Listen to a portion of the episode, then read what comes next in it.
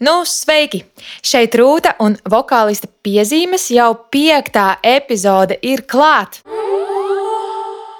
Podkāsts kā allaž variet klausīties Instagram TV, protams, arī piesakot kontam attur piezīmes, kā arī Spotify un YouTube platformās. Iepriekšējā raidījumā izsludinājām konkursu sadarbībā ar mūziķu telpas dibinātāju, vokālo pedagogu Aniju Auežēnu. Un nu esmu gatava paziņot konkursa uzvarētājus! Jā, tie būs veseli divi. Paldies visiem, kuri iesūtīja savus audio un video piemērus. Pirmā, kurai iegūst divu vokālu fitnesa online grupu nodarbību bezmaksas apmeklējumu, ir mūsu sekotāja Terēze Pogiņa. Bet apmeklēt divas vokālu fitnesa online nodarbības ar 50% atlaidi būs iespēja Patricijai Spalei. Apsveicam jūs, meitenes! Lai saņemtu balvu, lūgums pašām sazināties ar Anniju, rakstot viņai privātu uz Instagram profilu. Lai lieliskas divas vokāla fitnesa nodarbības Annijas vadībā. Paliec kopā ar mums, un drīzumā jau nākamais konkurss ar foršām balvām! Tieši ar šo raidījumu es patiesībā vēlējos iesākt savu podkāstu pirmo sezonu, kas domāta tieši vokālistiem. Jo ar to vispār būtu jāsāk. Būtu jāatrod savs mentors, padomdevējs, labā roka, psihologs, otrā mamma vai varbūt tētis, iedvesmas avots, motivators, nu viss vienā. Un es runāju par vokālo pedagogu. Jā, dažiem palaimējas to atrast salīdzinoši ātri, jo Pedagogu netrūkst ne Latvijā, ne pasaulē, bet tāds pedagogs, kurš būtu piemērots tieši tev, ar kuru tev būtu super kontakts, tādu nav daudz. Un tāds ir jāmeklē. Tad, kad atrod, tad to nedrīkst tik viegli laist vaļā. Man palaimējās, es satiku Ingu Bērziņu.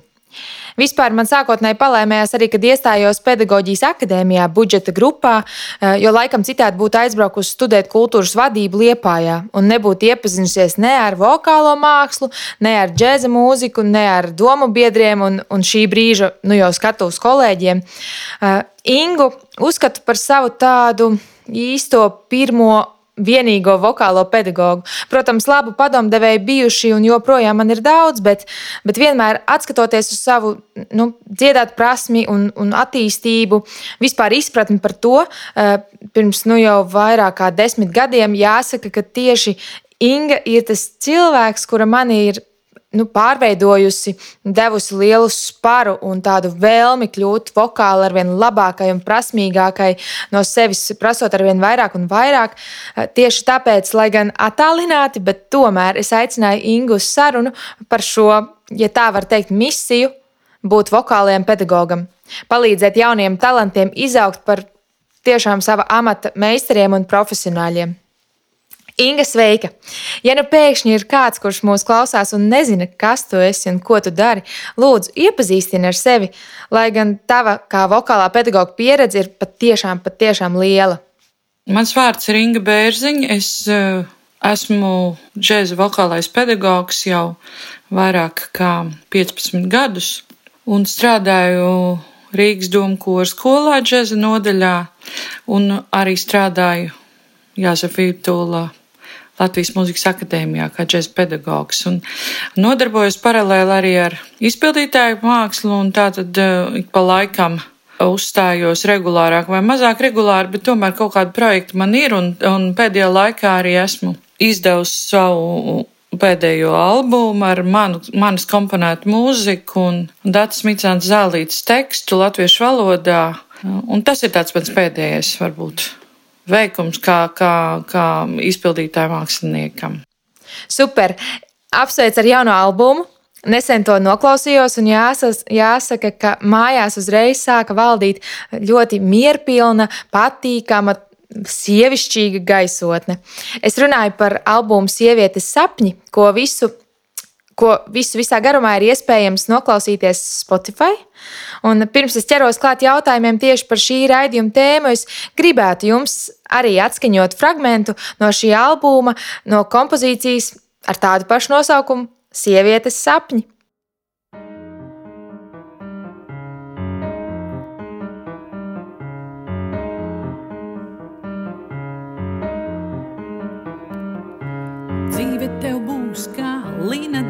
Uz miera galda līdzeni klājies, kā tu biji iedomājies.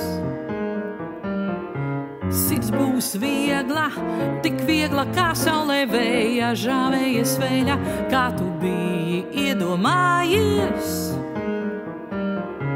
Vai tas citādi, vai tas citādi, kā tu biji iedomājies?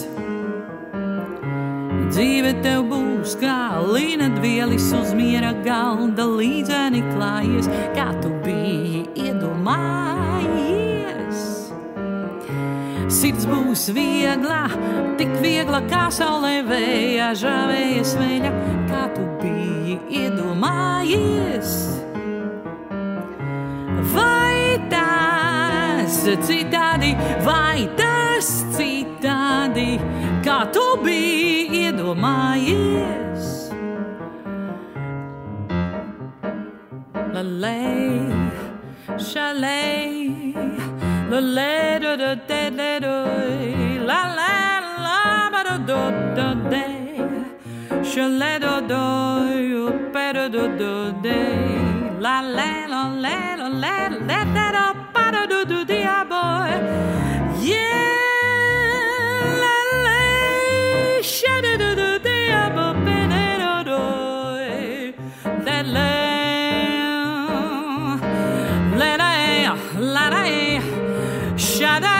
Da da da da da da la da da la da da oh shala shala shali ba da da da da da da da da oh ba ba la la la da da da la da da shala da la da la la da shala ba ba da da da ba ba da da da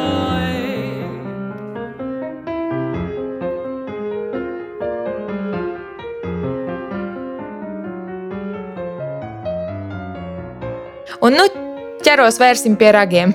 Pastāsti, kā tu nonāci līdz šai profesijai, jo, jo manuprāt, būt par pedagogu ir misija. Tas varbūt nemaz nebija tik likumsakarīgi. Tas notika diezgan nejauši. Mani uzrunāja mūsu ļoti labi pazīstamais eh, džēza pianists Viktors Ritovs, eh, kurš jau tajā laikā strādāja Rīgas pedagoģijas izglītības vadības akadēmijā.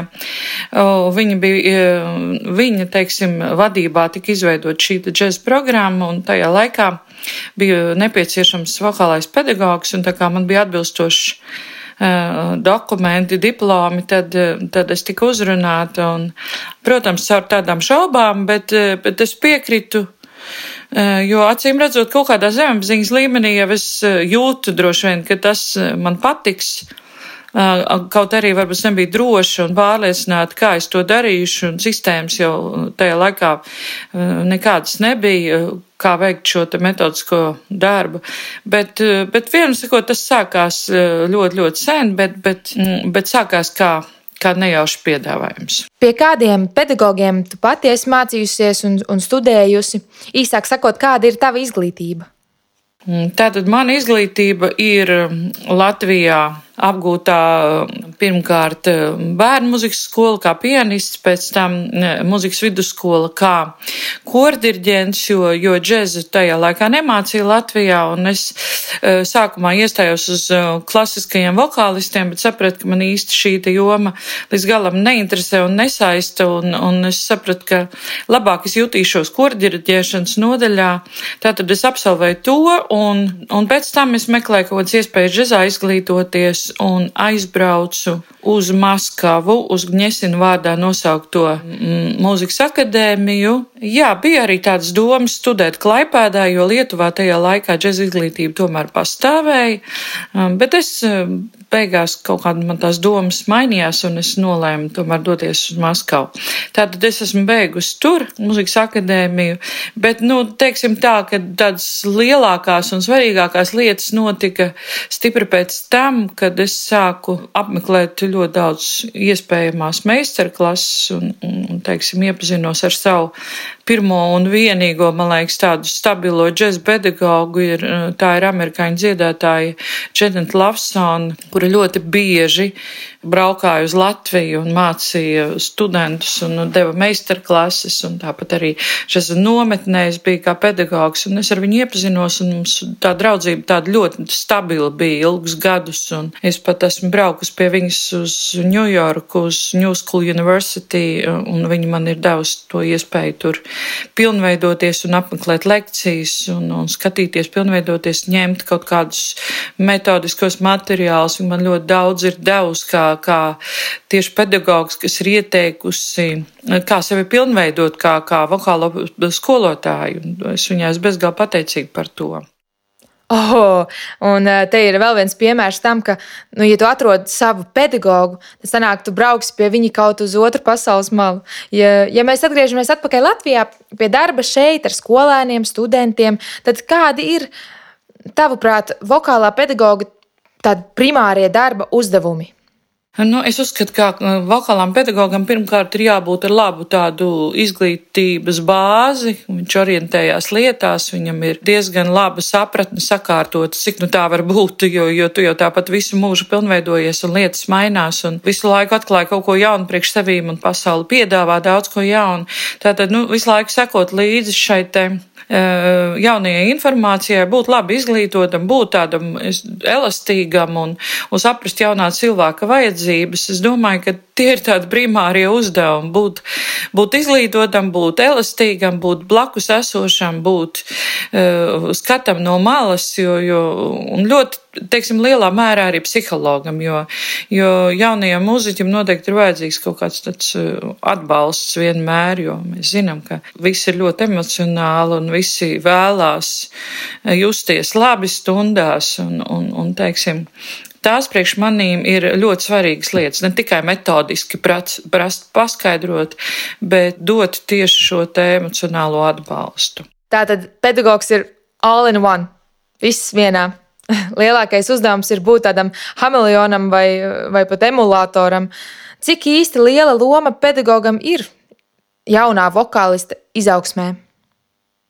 Es domāju, tas katram ir savādāk. Mēs zinām, ka cilvēki ir dažādi, un vienam jaunietim varbūt ir ļoti liels šis pedagoģa atbalsts nepieciešams, bet cits ir ļoti patstāvīgs, un, un, un viņš ir varbūt pat neatkarīgs, un viņam nevajag tik daudz šīs te mm, varbūt norādes, un viņš grib iet savu ceļu, un viņš grib pats varbūt atrast daudzas lietas. Tā kā mēs te nevarēsim visus ielikt vienā kaut kādā kategorijā, un es domāju, ka eh, pedagogs ir ļoti laba lieta. Tas ir tā, ka tu nesēdi un neizdomā kaut ko jaunu. Un, tā kā mēs bieži sakam, sēžam, izdomājam divriteņus.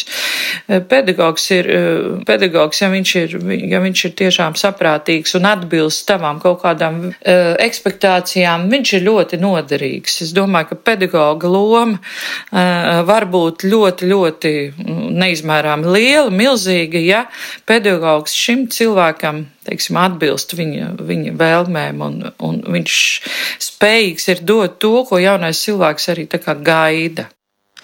Vai piekrīti apgalvojumam, ik viens var iemācīties dziedāt, jo šeit vienmēr pedagogiem domas dalās? Nu, ne līdz galam. Es neesmu nekad bijusi cilvēks, kas saka, ka, mm, ka visiem vajag mācīties un ka visi var iemācīties dziedāt. Jā, visi var apgūt kaut kādas mm, melodijas noturēšanas prasmes un lielākā vai mazākā mērā viņš varbūt varēs kaut ko nodziedāt cilvēks. Bet, mm, bet tā, ka var iemācīties dziedāt, man, man tie personīgi profesionālai kritēriji ir ļoti, ļoti augsti. Un iemācīties dziedāt man nozīmē dziedāt ļoti labi. Un es nekad nepiekritīšu, ka katrs cilvēks var dziedāt ļoti labi. Nu, tas tāpat kā katrs cilvēks nevar glaznot ļoti labi. Savā darbā gan domkora skolā, gan, gan mūzikas akadēmijā skolēnu un studentu prasmju līmeņi mēdz krasi atšķirties. Nu, citam, citam tās dotības ir lielākas jau jau no šūpuļa ieliktas, ieliktas šūpulī, bet citiem ir eh, drusku mazāk. Un ar kādām visbiežāk eh, šīm vokālajām problēmām cīnās audzēkņi? Varbūt ir atšķirība arī, ar ko cīnās eh, jaunās vokālistes un varbūt arī puiši savā starpā. Es domāju, ka atšķirības nav tikai starp meitenēm un zēniem, ir atšķirības starp katru, katru vokālo audzēkni vai studentu. Un es domāju, ka šeit tāds jautājums, vai viņi cīnās. Es domāju, ka katrs cilvēks E, viņš, viņš e, nevar cīnīties, viņš var vienkārši mierīgi ejot, pilnveidoties, jo tiklīdz ir tāda sajūta, ka tu ar kaut ko cīnies, tu šausmīgi psiholoģiski nogursti, bet ir ļoti svarīgi, man liekas, vienkārši atslāpt un saprast, ka viss, viss ceļ, tavs ceļš ir ejams vienkārši mierīgi, un, un, un kad agrāk vai vēlāk mainās lietas, un, un tu sāc savu muskulatūru, teiksim, savu ķermeni, kas ir tavs instruments šajā gadījumā, pieradināt pie, pie lietām, eh, kas liek viņam eh, skanēt arvien labāk. Un tas nozīmē, ka, mm, ka tās, tās problēmas ir ļoti, ļoti atšķirīgas. Un es pat teiktu, ka man nav tāda viena galvenā, galvenā problēma, kā tu jautā, eh, ar ko cilvēki saskarās visbiežāk. Es domāju, ka katram ir, e, katram ir kaut kādas e, fiziskas vai emocionālas lietas, ar ko viņš lēnāk tiek galā. Ja? Ja, kas viņam prasa vairāk laika, varbūt kaut kāda muskuļu atmiņa, kaut kāda nelabi ieradumi, kaut kāda sava ķermeņa neizprašana, kaut kādas psiholoģiskās barjeras, ka cilvēks nu, varbūt baidās kaut ko darīt. Tā kā tās, tās, tās lietas ir ļoti dažādas. Galvenais ir viņas kā, eh, apzināties un saprast, kas tur notiek, un tad, tad virzīties uz priekšu. Balss lūzums, mutācijas periods. Kā veselīgāk to pārdzīvot, nepārstājot dziedāt? Es neteikšu, ka man ir ļoti liela pieredze ar mutācijas periodiem, tādēļ, ka es visu savu uh, pedagoģisko mūžu esmu strādājusi ar cilvēkiem, kuri ir aiz jau šī mutācijas perioda, jeb, nu, teiksim, pašā mutācijas perioda nobeiguma posmā.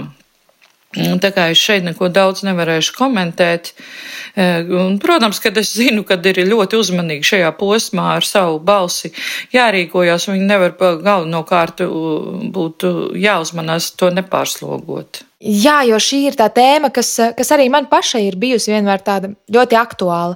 Skolēni, ar kuriem es pārsvarā strādāju, ir, ir tieši tādā vecumā, kad balsaites vēl, vēl negrib slēgties un notiek šī mutācija, notiek augšana, ķermeņa mainīšanās. Visbiežāk es eh, sūtu viņus pie Lora, jo, jo daudzi negrib ticēt tam, ka pārdzīvo balss lūzumu. Eh, daudziem šķiet, ka ka viņiem kaut kas nav kārtībā. Bet, bet tas ir tāds mainīšanās periods, un tas parasti ir iemesls tam, kāpēc bieži vien audzēkņi nu, nevar sasniegt, eh, nevar pārslēgt savu, savu skaņu, nevar sasniegt augstāks vai varbūt zemāks nots, bet nu, pārsvarā ir problēmas ar šīm augstākajām, augstāku diapazonu, vai nevar nodziedāt kaut ko krūšu reģistrā. Un, uh, Arī šī ir tā tēma, ko es esmu plānojusi apskatīt tuvāk, bet nu kādā no nākamajām epizodēm. Atgriežoties pie sarunas par vokālo pedagoģiju, tu esi gan organizējusi, gan pati arī apmeklējusi droši vien simtiem meistarklases Latvijā un, un arī ārzemēs. Cik tādas ir noderīgi apmeklēt jaunajiem un jau pieredzējušiem vokālistiem? Man liekas, ka meistarklases ir viens no, viens no tādiem stimulējošākajiem mirkļiem katra jaunā mākslinieka dzīvē, un meistarklases ir jāapmeklē katram, jo viņas ir, viņas ir ļoti inspirējošas. Es nezinu, varbūt, kad es domāju netipiski, varbūt, kad ne visi cilvēki tā domā, bet, bet ejot personīgi es uz kaut kādām meistarklasēm jau apmeklējot kaut kādus nometnes un kaut kādas īpašas, teiksim, skolotājas. Es vienmēr cenšos iet uz turieni kā absolūti, kā, nu, kā balta lapa, kā cilvēks saka, ka bez kaut kādiem tādiem jau uh, sagatavotiem priekšstatiem, kas tad man, ko, ko man tur dos vai ko man tur tā jaunu izstāstīs. Jo katrā ziņā es zinu to, ka no katra cilvēka es kaut ko varu iemācīties, lai arī varbūt tas nav kaut kāds milzīgs apjoms jaunatklājumu, bet vien vienmēr arī, vienmēr arī kaut kas tāds, ko es varbūt esmu piemirsus, ja bez ko es esmu nolikusi maliņā, es dzirdot to no kāda cita, es to reāli sajūtu kā zelta informāciju. Vienkārši kolosāli tajā brīdī man pie maniem atkal atnākušu lietu, kas man liek kaut kādā savādākā jaunā, svaigā veidā paskatīties. Tā kā es um, esmu tikai par to, ka regulāri jānotiek ir meistarklasēm un, un, un ar regulāri es nedomāju katru nedēļu. Es domāju, ka cilvēkam vismaz četreiz, piecreiz gadā ir jāiziet pie kāda um, pilnīgi cita redzējuma cilvēka un jāpaklausās, ko viņš šajā jomā tev jaunu spēj dot. Tāpēc arī saviem audzēkņiem es rekomendēju vasarā noteikti braukt uz Saukrasta džēza nometni vai uh, informēju par kādām meistarklasēm, kas norisinās Latvijā. Pēc meistarklašu apmeklējuma es personīgi vienmēr. Pēc meistarklašu apmeklējuma es personīgi vienmēr jūtos super iedvesmota, pilna ar enerģiju un jaudu, ar informāciju daudz čupu jaunas informācijas, un pat ne jaunas, kā tu saki, ja, tāda varbūt aizmirsta, un tev pēkšņi tingš iedod galvā to, to sen aizmirsto informāciju, un tu tā pats, jā, tas taču bija tas, tas būtu tas, par ko man būtu tieši tagad jāpadomā, vai tas ir tieši tas, kas man šobrīd ir vajadzīgs. Un kā tu saki, ka vislabāk ir doties uz meistarklasi ar to domu, uzsūkt visu iespējamo no, no pasniedzēja, kuram ir nu, super dažāda un bagāta pieredzes, tā bagāža, sevi kā vokālistu noliekot drusku otrajā plānā. Un vēl apmeklējot meistarklases, būtiski ir sagatavoties ar skaņdarbiem, ko, ja nu, ja nu rodas iespēja, var nodziedāt meistarklases pasniedzējiem, saņemt kādus komentārus, labojumus, ieteikumus. Protams, ir ieteicams arī sagatavot jautājumus, jo bieži vien meistarklases beigās tos ir iespējams uzdot. Un kas var būt vēl noderīgāks? Starp citu, kura Ja tu nedaudz eh, mēģini atminēties, tad kur ir iedvesmojošākā meistarklase, uz kādu tieši tu esi bijusi? Nu jā, man ir Man ir bijušas tiešām tik, milzīgs daudzums to meistarklašu, ka es tagad mēģinu saprast. Man ir eh, dīvaini, kas man tagad izpeldēja ātri eh, prātā, ir kaut kādas meistarklases, kas absolūti nav bijušas vokālās meistarklases. Jo tās ir bijušas kaut kādas spilgtu personību meistarklases, kas ļoti, teiksim, pārsteigušas mani kā personības. Un te man nāk prātā amerikāņu saksofonists Džo Lavāno, te man nāk prātā amerikāņu saksofonists Deivs Lipmans. Tādas ļoti, ļoti tādi ļoti spilgti cilvēki. Uh, nu, tā pati Dženeta Lavsona, kas ir meistarklasēs man bijusi kā skolotājs, es ļoti atceros spilgt šīs te meistarklases, jo viņas man ir, teiksim, pagriezušas manu domāšanu stipri kaut kādā citā virzienā. Pēc meistarklašu apmeklējuma es personīgi vienmēr jūtos super iedvesmota, pilna ar enerģiju un jaudu, ar informāciju, daudz čupu jaunas informācijas, un pat ne jaunas, kā tu saki, ja, tāda varbūt aizmirsta, un tev pēkšņi tingš iedod galvā to, to sen aizmirsto informāciju, un tu tā pats, jā, tas taču bija tas, tas būtu tas, par ko man būtu tieši tagad jāpadomā, vai tas ir tieši tas, kas man šobrīd ir vajadzīgs.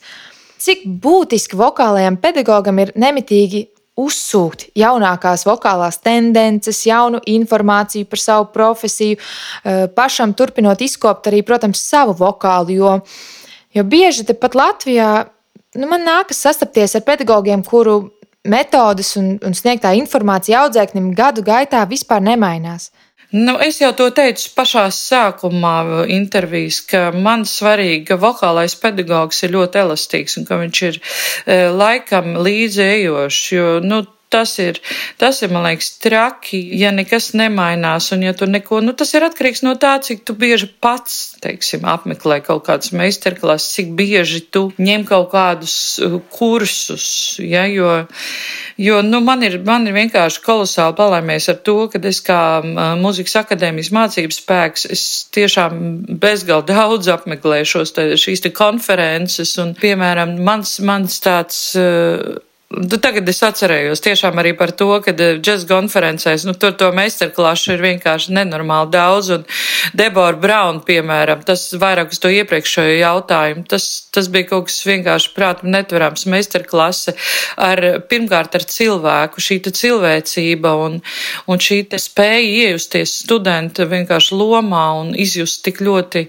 viņa vajadzības. Tas, man liekas, ir ģeniāls talants. Un tāpat Darmans Mīders un Mišela Mišela Veira un tik daudz man ir bijuši cilvēki, kuru meistarklasēs es esmu bijusi un esmu vienkārši sēdējis un domāju, saka, Dievs, paldies, paldies, paldies Tev, Dievs, ka es šeit varu būt un to visu redzēt, jo tā priekš manīm ir nu, vienkārši, tā ir ģeniāli, vienkārši Dieva dāvana, ka es esmu tur, kur es esmu un es spēju to saņemt. Un to es tiešām uzskatu, ka katram pedagogam tas būtu, tas ir vienkārši sapņu variants, ja tu vari dzīvot tādu dzīvi, ka tu regulāri izbrauc uz ārzemēm un, un, un saņem šo te kolosālo impulsu. Mani studenti to zina, ka es vienmēr atbraucu atpakaļ, es viņiem dodu tik daudz jaunas informācijas un, un jaunus uh, vārdus, ko klausīties un, un, un ko analizēt. Un tā, tā kā tas ir, manuprāt, primāri svarīgi katram pedagogam. Es ceru, ka mūs klausās visi Latvijas vokālai pedagogi un šo tiešām ņems vērā. Uh, tas nāks par labu gan viņam, gan, gan viņu audzēkņiem. Bet, ja runājam par kaut ko sensitīvāku, kā, varētu, kā var iedzīvināt emocijas audzēkņos? Jā, iedzīvināt emocijas. Nu, es, es to uztveru kā jautājumu, vai, vai cilvēks spēj emocijas, vai viņš spēj viņas vadīt, vai viņš spēj viņas teiksim, izteikt, vai viņš ir empātisks, vai viņš šīs emocijas izlaižot caur sevi spēj rādīt publikai un tā. Nu, tas ir ļoti individuāli, jo mēs katrs esam atšķirīgi jūtīgs. Tas, kad mūziķi ir jūtīgi, tā ir jābūt, jo savādāk jau nav iespējams neko radīt, ja tu neesi jūtīgs. Bet, eh, bet, eh, hm, Jā, kā iedzīvināt, kā, nu tā, tas ir darbs ar savu, savu psihi, ar savu brīvību, ar savu iekšējo brīvību, vai tu šajā muzicēšanas brīdī esi pietiekami brīvs un emocionāls, lai tu šīs emocijas kādā veidā neierobežotu vai neturētu, kaut kā nesaspiestu tajā brīdī, lai tu esi brīvs, lai tu esi emocionāls, lai tu esi dabisks. Tas man šķiet pats pats svarīgākais. Redz, kāpēc es to jautāju? Eh, darbā ar saviem audzēkņiem, kas ir pārsvarā pusauģu vecumā, es saskaros ne tikai ar šo mutācijas periodu, par ko mēs iepriekš nedaudz eh, pieminējām, un eh, visādiem nepareiziem vokāliem ieradumiem, vai vienkārši kaut, kaut kādām nepareizām lietām, nezināšanu dēļ, tādu neemocionālu dziedājumu. Un, uh, tad par to es interesējos no citu pedagoģu viedokļa. Vai cilvēks kaut kādā konkrētā vecumā sāk izpaust emocijas uz āru, vai to tomēr var izdarīt arī pusaudzis. Nu, pasaules kontekstā tas nav nekas nereāls, tas pat ir, ir redzēts. Un pat ja tā emocija nenāk uz āru, es cenšos to Nu, no audzēkņa dažreiz izdabūt, varbūt drusku ar aktieru meistarības paņēmieniem, un um, te var minēt vairākus mūzikas žanrus, kuros to, kuros to varētu pielietot, bet ar to es tikai gribu teikt, tā nav tāda neiespējama misija, un visticamāk šīs emocijas katrā mūsos uh, guļ, bet nevar, nemāk izlīst ārā. Un tad varbūt tas arī ir viens plauktiņš, ne tikai vokāli strādāt ar skolēnu, uh, bet arī emocionāli kas ir viens no, manuprāt, arī klupšanas akmeņiem. Tu pati esi izdevusi vairākus solo albumus, un nesen klajā nāca mūsu iepriekš minētais, nu jau paklausītais albums ar Dācis Micānes zālītes dzēju, uh, un tu koncertē dažādos projektos. Vai pedagogs var paralēli paspēt veiksmīgi attīstīt gan savu mūziķu karjeru, gan, gan uh, darboties kā pedagogs? Jā, tas ir ļoti liels izaicinājums. Es domāju, ka Tas ir izaicinājums jebkuram pedagogam, un es domāju, ka tas līdz galam tā arī uh, nav savienojams. Kaut kas no tā vienmēr cieš. Es domāju, ka uh, tas ir tā kā, uh, ja, ja tas dara visam, tas nedara nekam. Ja, jo, jo patiesībā ļoti, ļoti jāfokusējas uz lietām, un es es pateikšu tā, ka es esmu fokusējusies vairāk uz savu pedagoģisko darbību, jo tas man rada ļoti, ļoti lielu aizrautību. Es zinu, ka es to daru ar ļoti, ļoti lielu deksmi. Un, un izpildītāja darbība manim saista tik tālu, cik tā ir muzicēšana. Skatuvi tā par sevi mani īsti nekad nav uzrunājusi. Un, un, Tas nav līdz galam mans mērķis bijis laikam nevienā no maniem dzīves posmiem. Tas, ka es esmu kādā dzīves posmā bijusi vairāk uz skatuves intensīvāk, jā, tā ir taisnība, bet, bet principā skatuve tā ir vieta, kur muzicēt priekš manis. Varbūt tā interaktīvā darbība ar mūziķiem priekš maniem ir pati svarīgākā. Un tā kā, ja runa ir par mani, tad es domāju, ka, ka savienot to var, tas ir ļoti, ļoti sarežģīti. Un tā kā, tā kā um, um, pedagoga profesija vispār ir ļoti, teiksim, prasoša profesija. Ļoti daudz prasa tavā emocionālā un tava garīgā spēka, lai tu būtu katru dienu tādā labā tānusā un formā, lai tu esi eh, pedagogs, kas ir pietiekami mobilizējies un aktīvs, kas katru dienu var, nu, radoši kaut kādā veidā un koncentrēti strādāt. Nu, viņam ir jābūt normālā, labā formā. Es domāju, šeit gan fiziski, gan garīgi, un, un, un tas, tas prasa darbu. Jā, es dažreiz jūtu, ka, ka starp šiem diviem plauktiņiem daudzoties, man tomēr vairāk es eh, sevi redzu un velku uz skatuvi nekā, eh, nekā šī pedagoģa darbā. Varbūt tas ir tāds, eh, tāds mazais krīzes periods, ne tikai kas ir valstī, bet arī mūsu prātos, ka tomēr gribās kaut ko paveikt vienā virzienā, uz kuru tevi vairāk velk kaut kādā dotajā brīdī. Jo man jau pirms pāris gadiem bija tāda neliela krīze, kad es domāju, ka nē, es vairs negribu mācīt, uh, dziedāt. Tiešām tā bija, godīgi saku. Tas visticamāk ir tāds man pašai, tam pedagogam darbs, kā tu saki, ka viņam visu laiku būtu jābūt labā noskaņojumā, visu laiku jābūt nu, enerģiskam, fiziski un garīgi uh, stabilam un, un veselīgam, normālam. Ja? Un, uh, varbūt dažreiz tas pedagogs pat ne dažreiz, man liekas, ka vispār visi pedagogi sevi tik daudz izsmeļ, un īpaši šajā laikā, kad uh, principā visa diena tiek pavadīta pie datora, uh, nu, tas ir tas, ko es dzirdu apkārt, tas ir tiešām uh, traki. Es novēlu veiksmu un izturību visiem, visiem pedagogiem uh, šajā nu, trakajā laikā, it īpaši jau arī uz mācību gada beigām, bet nu, jā, arī atrast to laiku, atrast savu brīvo laiku. Vai atrast savu prioritāti, vai tas ir pedagoga darbs, vai tas ir kāds tavs vēl hobijs, ko tu paralēli attīsti. Bet, nu, manā gadījumā mana profesija ir mūziķis, un es, es vēlos šajā profesijā sevi attīstīt daudz, daudz vairāk. Jo, manuprāt, jā, kā, arī kā tu saki, divās profesijās tu nevari būt izcils. Tu vari būt izcils kaut kādā vienā, kurā tu eh, padziļināti rocies iekšā zināšanās, bet divus zaķus tomēr ar vienu šāvienu ir ļoti grūti nošaut precīzi. Tā, man vēl ir tāds pēdējais jautājums vai, vai ieteikums, ehm, kādus varbūt vokālistus, eh, tavā gadījumā džēza vokālistus, eh, tu vari ieteikt paklausīties jaunajiem džēzus vokālistiem šajā pašizolācijas laikā, kad, nu, manuprāt, ir vairāk laika uzlikt austiņas vai eh, atrast to, to brīdi, paklausīties jaunu, svaigu mūziku. Pat ne tikai džēza vokālistiem, jo, kā mēs zinām, ir vērtīgi klausīties daudz un dažādus žanrus, daudz un dažādus vokālistus. Tas, kas man šobrīd nāk prātā, ir eh, šādi vārdi. Es ieteiktu paklausīties Karmenu Lundī, liels atklājums priekš manīm. Tas bija pāris gadus atpakaļ. Ļoti man eh, šī dziedātāja ieinteresēja. Viņa ir tāda Betīs Kārters. Uh, skolniece, kas arī ļoti savdabīgi īpatnēja ar savu tādu ļoti spilgtu rokrakstu. Es varētu ieteikt paklausīties Debora Brauna, brīnišķīga vecās paudzes dziedātāja, eh, Fei Klāsena no jaunās paudzes, Norma Vinstona, brīnišķīga. Varbūt var paklausīties eh, vēlreiz vai atgriezties pie Gregorija Portera. Viņš ļoti inspirējošs ir. Lai es jau nosaucu piecus. Tā kā laba veiksma ar klausīšanos. Paldies, tas būs darbiņš arī man. Bet nu, nobeigumā, raidījuma nobeigumā Ko tu varētu novēlēt jaunajiem vokālistiem, tādu kaut ko sparīgu, ar, ar gaišu skatu nākotnē? Novēlējumi noteikti būtu ļoti daudz, bet tie galvenie ir pavisam vienkārši. Man šķiet, tas ir tāda nezaudēt šādu dabīgu ieinteresētību tajā lietā, ko tu dari.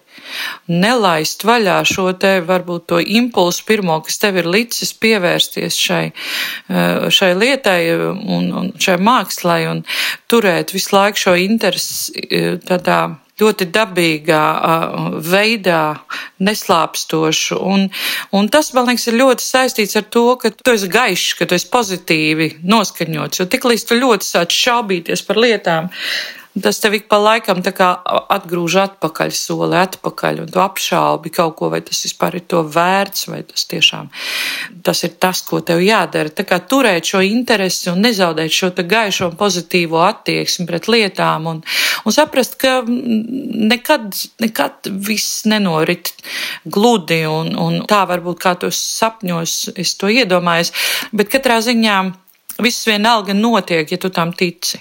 Nu, lai jums veicās! Dāmas un kungi, puiši un meitenes, tikko jūs tuvāk iepazīstināja ar, manuprāt, vienu no labākajiem džēza vokāliem pedagogiem Latvijā. Un arī ar manu pedagogu Ingu Bērziņu. Lielas paldies tev par šo nelielo interviju. Un patiesībā jau tas informācijas daudzums, ko tu esi devusi mums visiem taviem audzēkņiem, e, mūs ir tikai dzinus uz priekšu savā muzikālajā karjerā.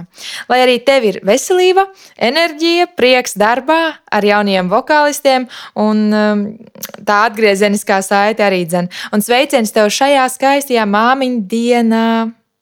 Paldies arī klausītāji jums! Podkāstu podkāst piektā epizode nu jau ir izskanējusi. Tiksimies pēc desmit dienām, kā ierasts. Sekojiet joprojām Instagram, TV, Spotify un YouTube platformās. Uz redzēšanos! Uz sadzirdēšanos!